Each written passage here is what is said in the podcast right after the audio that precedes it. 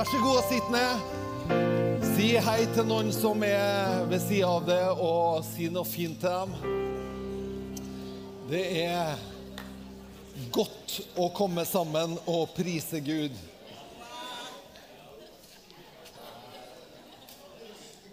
Det var noen som ble stille når jeg sa at du skulle si noe til sidemannen. Og ja, det er greit. Det går fint. Kanskje du har sagt så mye fint tidligere at det blir for mye. Så bra. Du, eh, jeg vet ikke om du vet at det her er den beste helga i året å skaffe seg nye venner. Visste du det? Den beste helga i året å få nye venner, fordi at da blir det automatisk pinsevenner. Ah!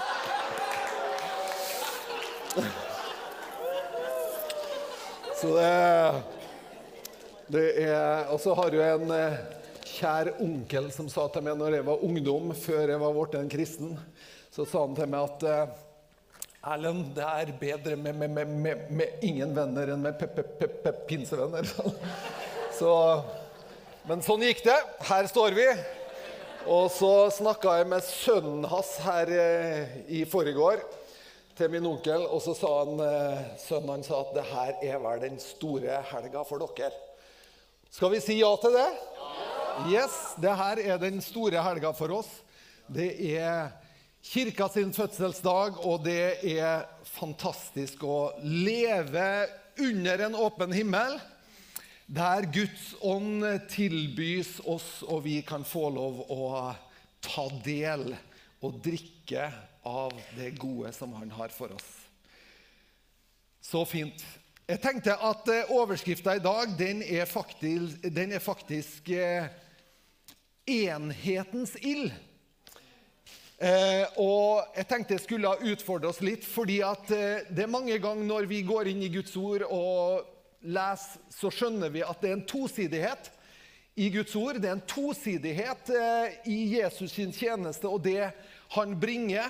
Og det er også sånn at, eh, det er også sånn at noen ganger så kan vi lese begge deler, faktisk. For eh, hvis vi tenker på det Jesus sier når Jesus sier at eh, Ild har jeg kommet for å kaste på jorda. Og jeg hadde ønska at den allerede brant. Så snakka han om den ild som han har lyst til å tenne i våre hjerter. Og den ild som jeg syns Peter Halldorf beskriver veldig godt når han sier det er en kjærlighetsild for vår neste. Det tennes noe som gjør at det, det tennes kjærlighet og lengsel etter det gode for vår neste. Den ilden, sier Jesus, jeg skulle ønske at den allerede brant. Men litt lenger ned så sier han at det er ikke sånn at jeg har kommet bare for å skape fred. Det kommer også til å bli splittelse, sier Jesus. Og det er litt av de her versene vi syns er litt kinkige og vanskelig. Men allikevel, i hvert fall hvis du ikke kommer fra en kristen bakgrunn og kanskje foreldre og slektninger eller sånn har litt annet ståsted, så vet du hva jeg snakker om når på en måte noe skaper anstøt.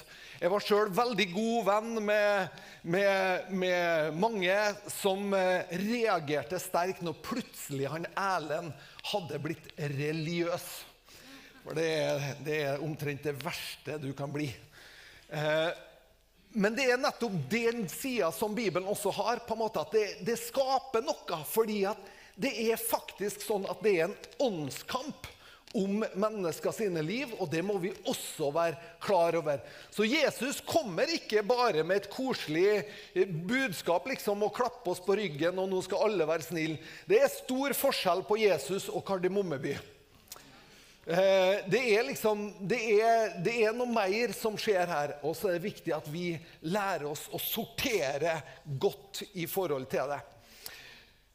Og så er det jo sånn at det her konseptet da, med Den hellige ånd det er på en måte Guds løsning og Guds svar. Eh, egentlig så er det Guds svar på hvordan han skal etablere et nytt rike, og hvordan han skal få det riket til å vokse. Det er gjennom at enkeltmennesker overalt på planeten blir fylt av Hans ånd. Fordi at det som skjer når vi blir fylt av Guds ånd, forhåpentligvis, det er jo at godhet, kjærlighet, mildhet begynner å spire fram. da. At det blir noe annet på innsida. Det blir noe som er annerledes, som vokser fram fra eh, våre liv. La oss bare begynne nå med løftet i Det gamle testamentet. Løftet om Den hellige ånd. Av alle ting som eh, Det gamle testamentet løfter fram profetisk, så, så, er løftet om Den hellige ånd det er på en måte et av de største løftene i det, i det gamle testamentet. Du har løftet om frelseren som skal komme og skal tilgi vår, eh, vår skyld og rense oss ifra all urettferdighet. Og så har du løftet om at Den hellige ånd skal utøses. Og da skal vi lese fra Joels bok. Og nå er det sånn ingen fancy powerpoint i dag. Nå, nå er vi der. sant? Vi vet at, at, eh, Det var ikke noe powerpoint på apostlenes gjerninger. Vi vet at Jesus hadde heller ikke det. Så nå må du rett og slett ta fram Bibelen din og slå opp og lese. Eh, det kan tenkes at Stefan lurer opp noe på skjermen, men nå skal du få lov å øve deg på å slå opp. Joel 3 og vers 1 og 2. Deretter vil det skje at jeg skal øse min ånd over alt kjøtt. Deres sønner og deres døtre skal profetere. Deres gamle menn skal ha drømmer, og deres unge menn skal ha syner. Også over trellene og trellkvinnene skal jeg utøse min ånd i de dager. Wow! Ikke lenger bare en elite, ikke bare lenger noen få utvalgte, men plutselig så åpnes himmelen for alle. Storheten i det her det skjønner vi hvis vi tenker at tempelet, som er et forbilde på det livet som du og jeg kan ha med Gud, det var kun mulig én gang i året for øverstepresten å komme helt inn for Gud. Én gang i året. Og plutselig så er det en ny ordning, det er en ny pakt, det er en ny mulighet som skapes. Og den skapes ikke bare for øverstepresten, men for hver enkelt av oss. Vi har frimodig adgang med tillit.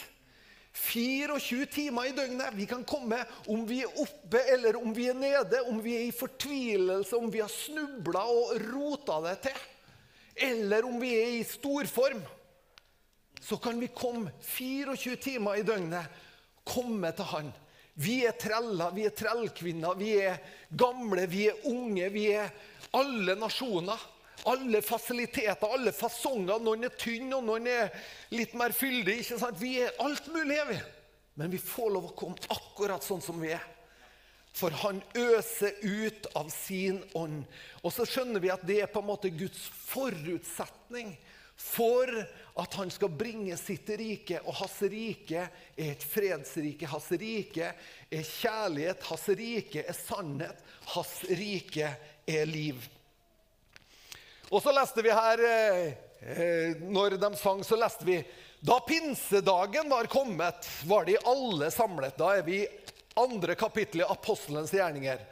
Og det første til fjerde verset var de alle samlet på samme sted med samstemt sinn. Dette er jo kanskje den eneste gangen i historien at kirka har vært samla på ett sted, og det har vært et samstemt sinn.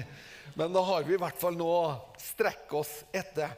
Plutselig kom det en lyd fra himmelen som av en mektig stormvind, og den fylte hele huset der de satt så viste det seg delte tunger for dem som av ild, og de satte seg på hver enkelt av dem. De ble alle fylt med Den hellige ånd og begynte å tale i andre tunger ettersom ånden ga dem å tale. Det, det satte seg tunga liksom av ild på hver enkelt av dem. Og det er fantastisk at det ikke står at det var liksom over Peter var det litt stor tunge, og Andreas litt mindre, kanskje. Eh, og så var det liksom litt sånn forskjellig. Det var jo 120 pers, og så får vi se om det var noe til dem som kom inn sist. liksom. Nei, Det står bare at det delte seg tunga av, like som av ild og satte seg på hver enkelt av dem.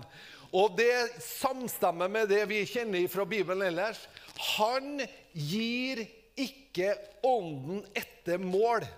Han gir ikke sin ånd etter hvor dyktig du har vært, hvor prektig du har vært, hvor flink du har vært, men han gir sin ånd for at du kan dyktiggjøres, for at du kan helliggjøres, for at du kan levendegjøres.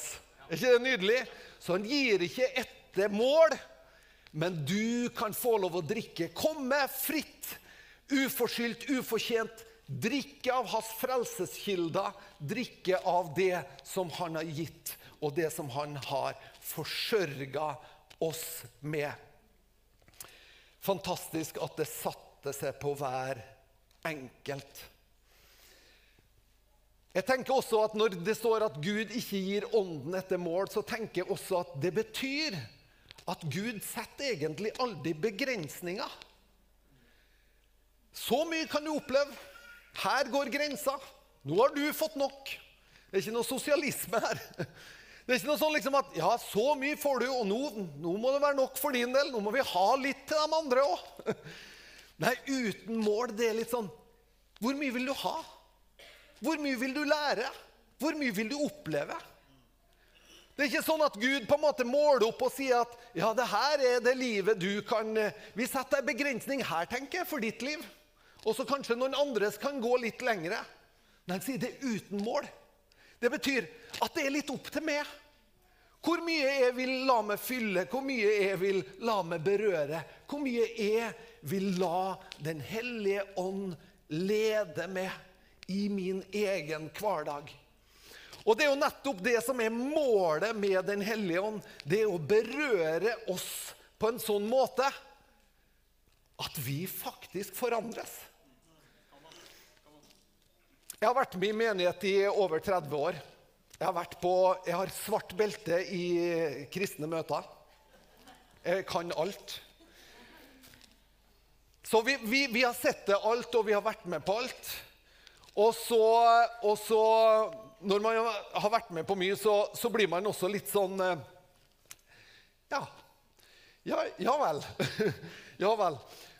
Og jeg har, jeg har, begynt å stille et spørsmål, og det høres kanskje litt, eh, litt sånn eh, kritisk ut, men jeg stiller et spørsmål. Ja, så du sier meg at du møtte Gud? Ja, så fint. For vi har alle vært på møter som vi syntes var sterkt. Det var sterkt. Jeg husker jeg var jo frelst på, på 90-tallet. Det, det, var ikke bare sterkt, det var sterkt. Og det, da, er du, da, er du, da, er du, på et ekstra nivå. Det var sterkt, ja. Eh, og så husker jeg, husker jeg en som sa, han var på et herlig møte i helga. Så møtte han på onsdag. Og så sa han at vet du noe, det sitter i enda. Og det tenker jeg det er bra når det sitter i liksom, utover uka. Det er veldig bra. Eh, men så stiller jeg allikevel et spørsmål. Vi møter Gud.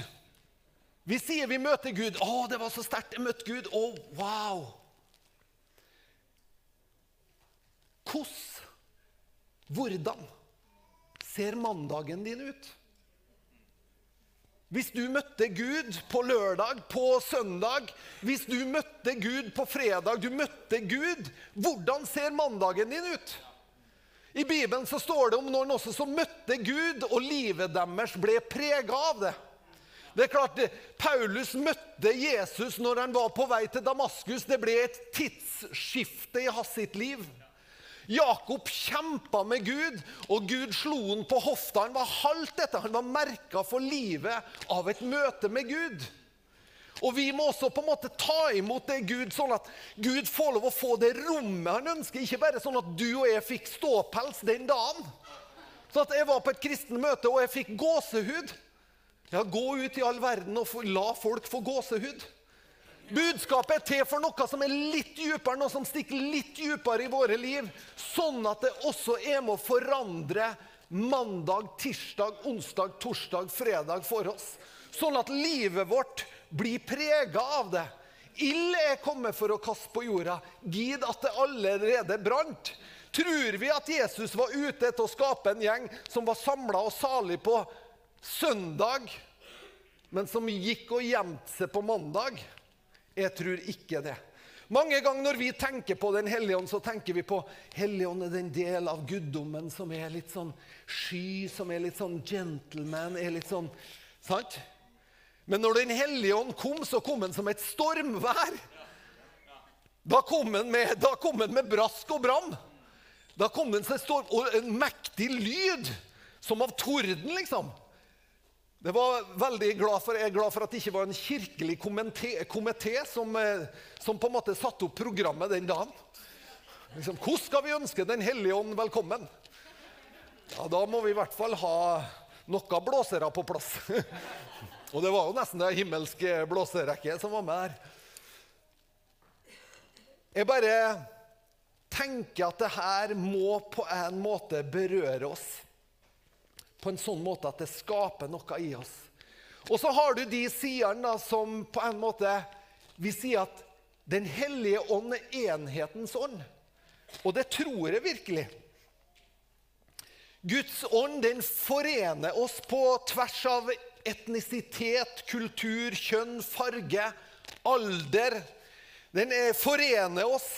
Og den, den, måte, den forener oss fra så mange ulike livsvandringer. Så gjør det at vi kjenner at det fins en enhet. Altså Når jeg reiser til India og møter mennesker jeg aldri har møtt før, så kjenner jeg at her er min bror. Akkurat som Shan sa til en Are her i stad. Han er min bror. Og det er noe mer enn bare dette 'hei, brorsan', liksom. Det er noe djupt. Og det er noe som er godt.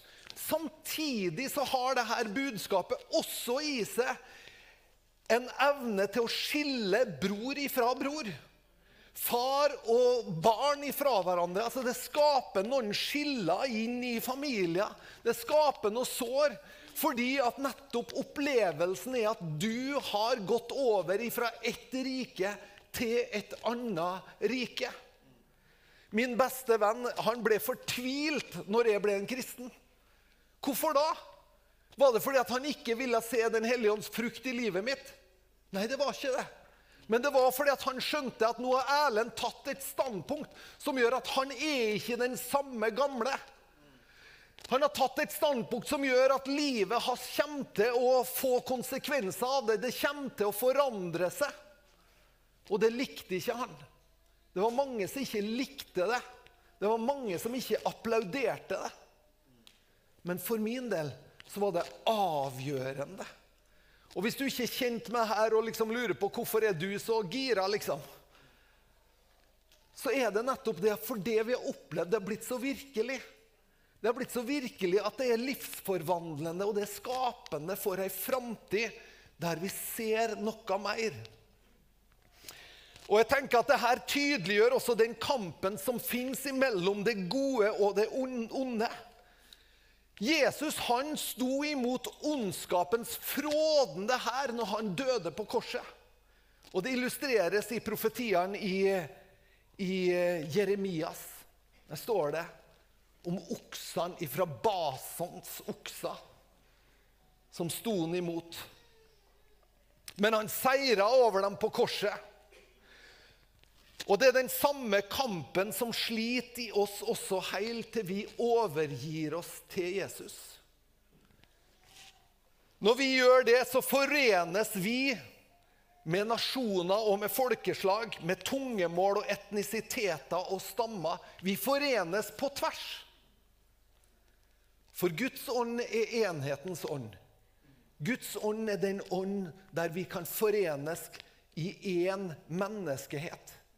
Der det ikke lenger er fattig, rik, kvinne eller mann, jøde eller greker.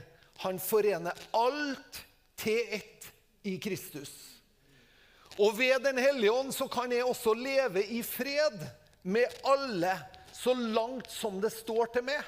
Så kan jeg leve i fred med alle om jeg er villig til å vandre med enhetens ånd, Den hellige ånd. For da er det sånn at den hellige ånd er veldig flink på å korrigere med. Korrigere med og det. Så hvis du og jeg sitter på hver vår side av bordet, og vi er villige til å lytte til han, så er det som i utgangspunktet ser ut som en konflikt Hvis vi er litt stille og spør han til råds, da er det ikke konflikt når vi er ferdige å snakke med han. For han har mitt beste og ditt beste i øyet. Og så er kanskje, kanskje du har rett i sak, eller jeg har rett i sak, men jeg har feil i hjertet. Det, det, det er tricky greier, altså. Ja, helt rett! Helt teologisk. Helt rett! Men hjertet mitt er feil. Motivene mine er feil.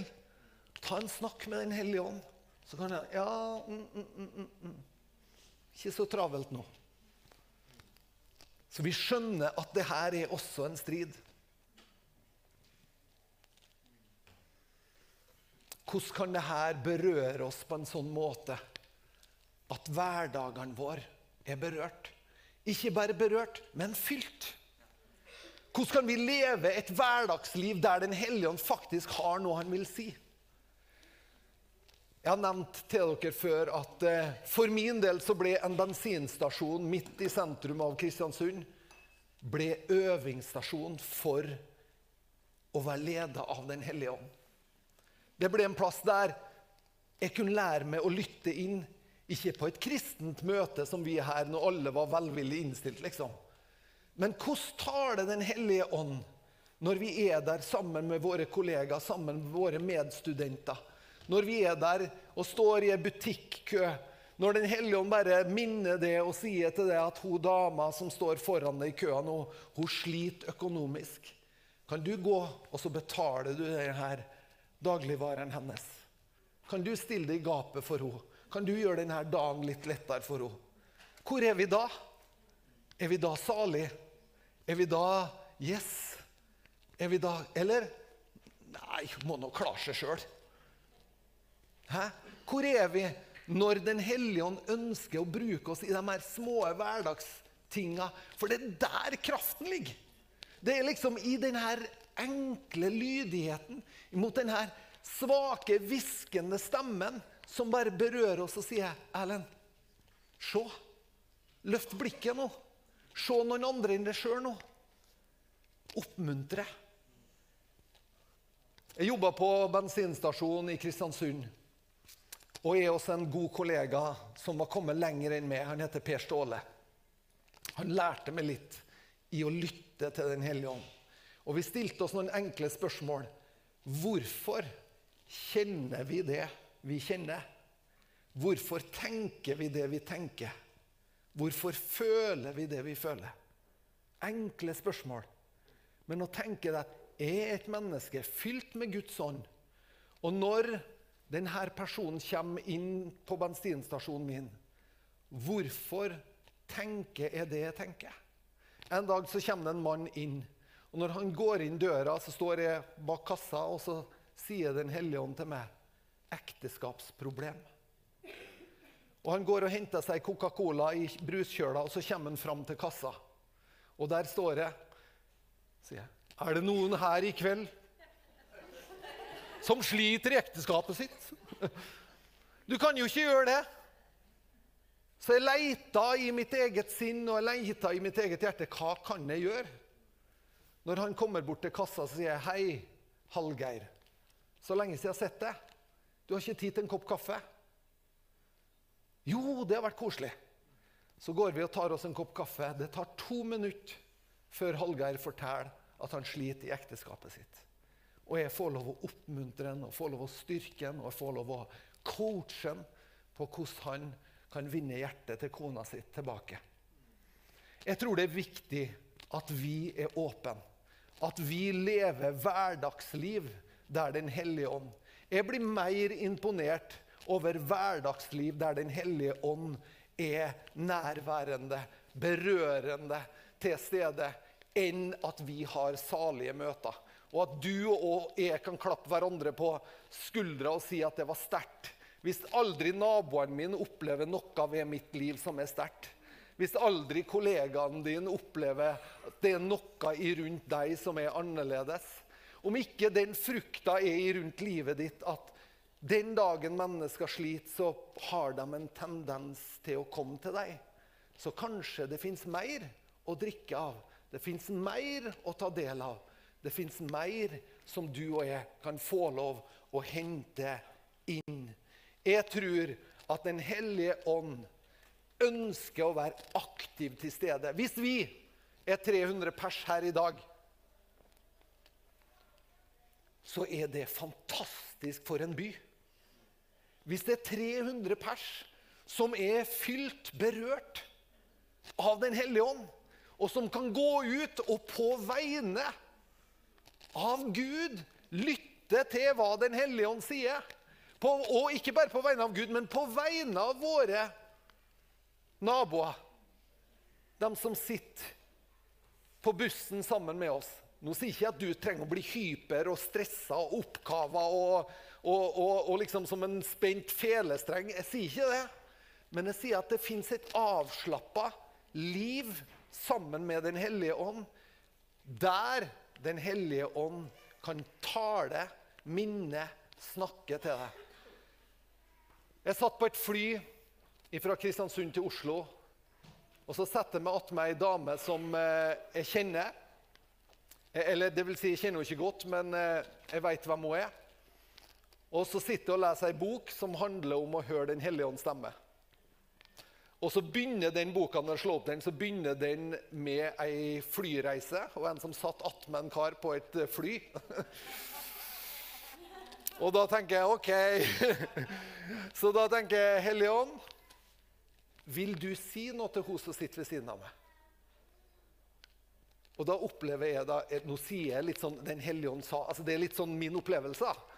Eh, så forstå meg rett, men da opplever jeg at Den hellige ånd sier Erlend, det fins ingen på dette flyet som jeg ikke ønsker å si noe til. Hvis du spør meg, så ønsker jeg å snakke til hver enkelt av dem som er samla her. Og jeg tenkte at det blir litt for stort. Jeg tror ikke jeg skal stille meg opp på flyet liksom. og snakke til alle. Men så har jeg spurt en gang til. Men hun som sitter ved siden av meg, da? Hva med hun? Og så sier en hellige om frykt.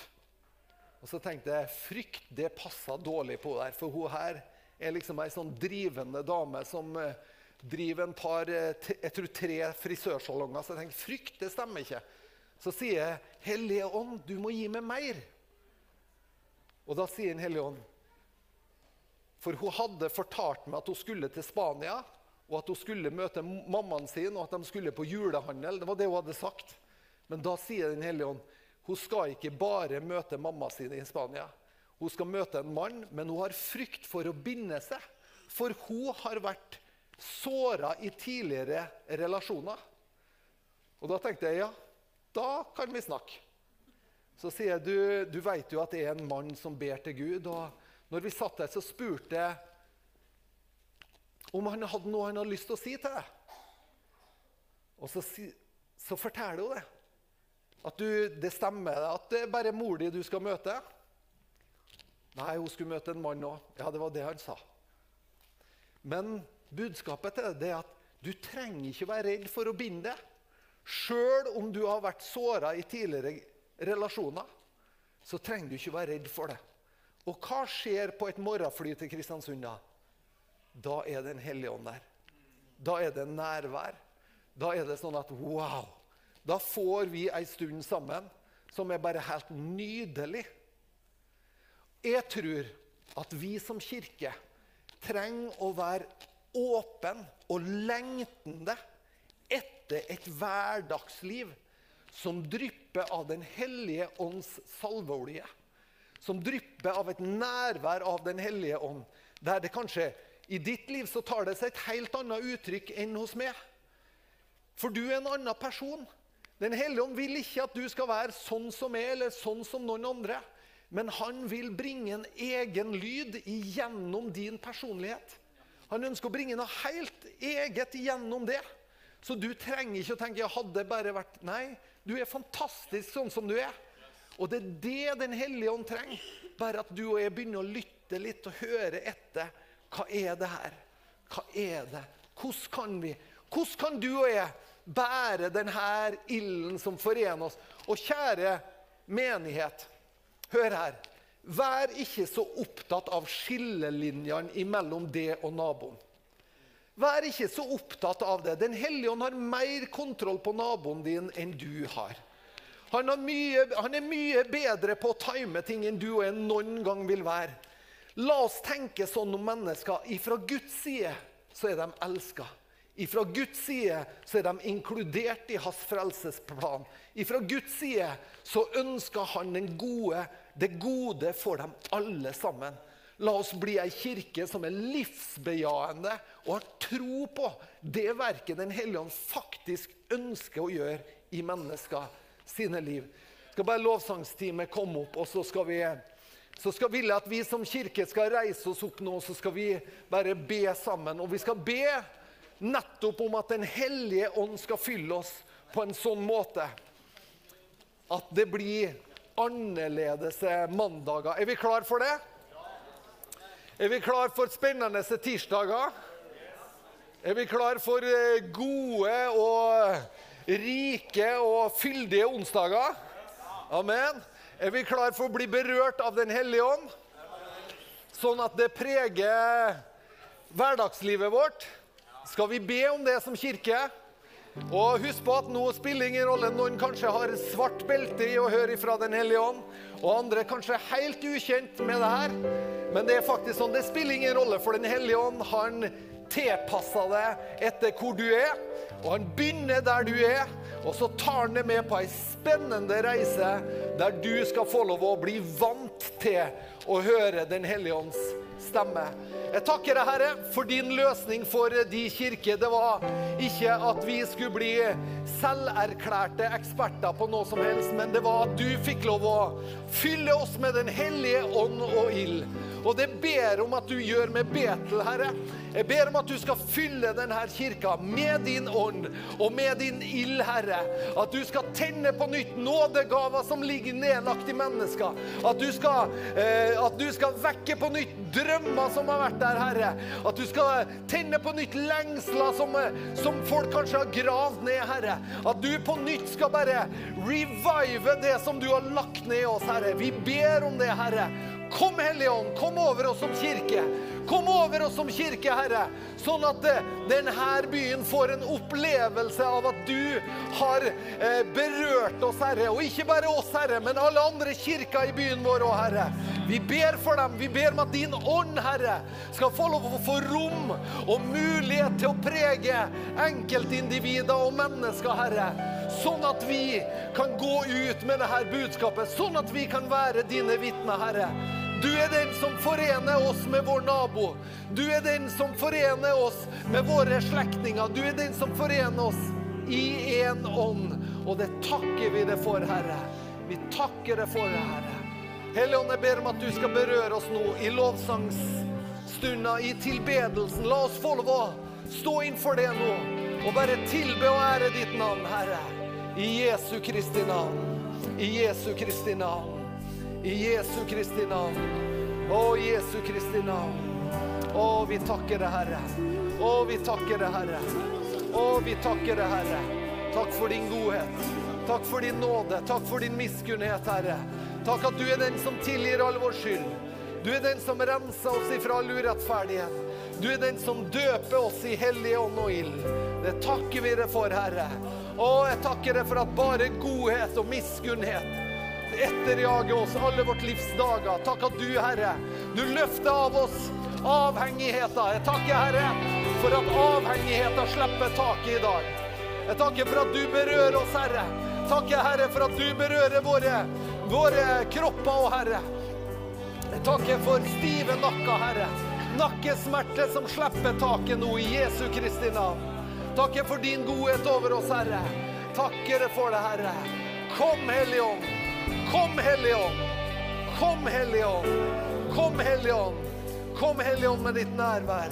Kom over oss, Hellige Ånd.